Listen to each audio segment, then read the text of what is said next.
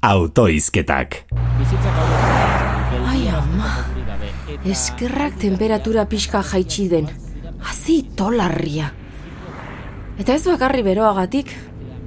Uda aurreratzearen ondoriak ez ditu planeta bakarri jasaten. Nik ere bai. Ai, ondo prestatu gabe harrapatu nau eta.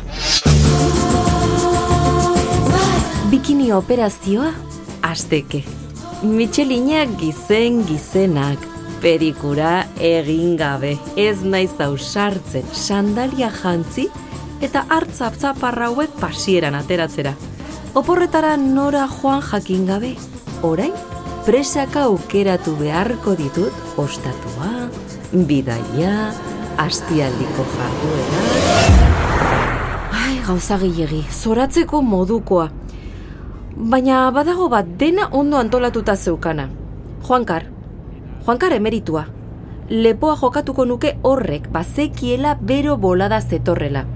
Eta oporretarako jate aukeratu du, lagunekin. Eta etxaski janak barra-barra. Ribeiro bat hemen, albariño bat han, eta gainera ondo prestatuta dator Abu Dhabitik. Berora bituta eta beltzaran. Mm, ostatuaren arazoa da utxe egin diona. Ba, baina tira, lagunen baten sofa beti egongo da prest. Azken batean, berak gauza asko egin ditu besteen gandik. Hori gogoratu beharra dago. Kontua ez da baina ondo ondo gogoratzea, elefante batek ezela.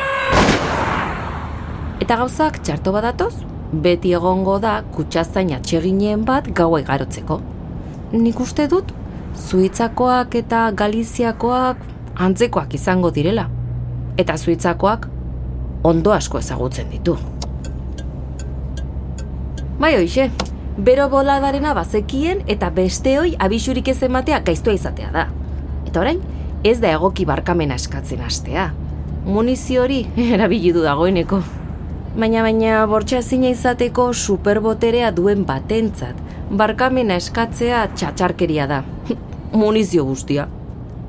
Barkamena eskatu ordez, bazuen guztioi oporrak ordaintzea. Ba, baina kontuz, ez arabiarri mire herri batuetan. Instagramen ez dira dotore geratzen atzealdean giza eskubideen bortxaketak dituzten selfiak. Ez behintzat, etika pixka duzu. Eta petrodolar edo futbolitzak ez badaude tartean. Tartean badaude? Bortxa ezina dena agian? Errazago bortxatu daiteke.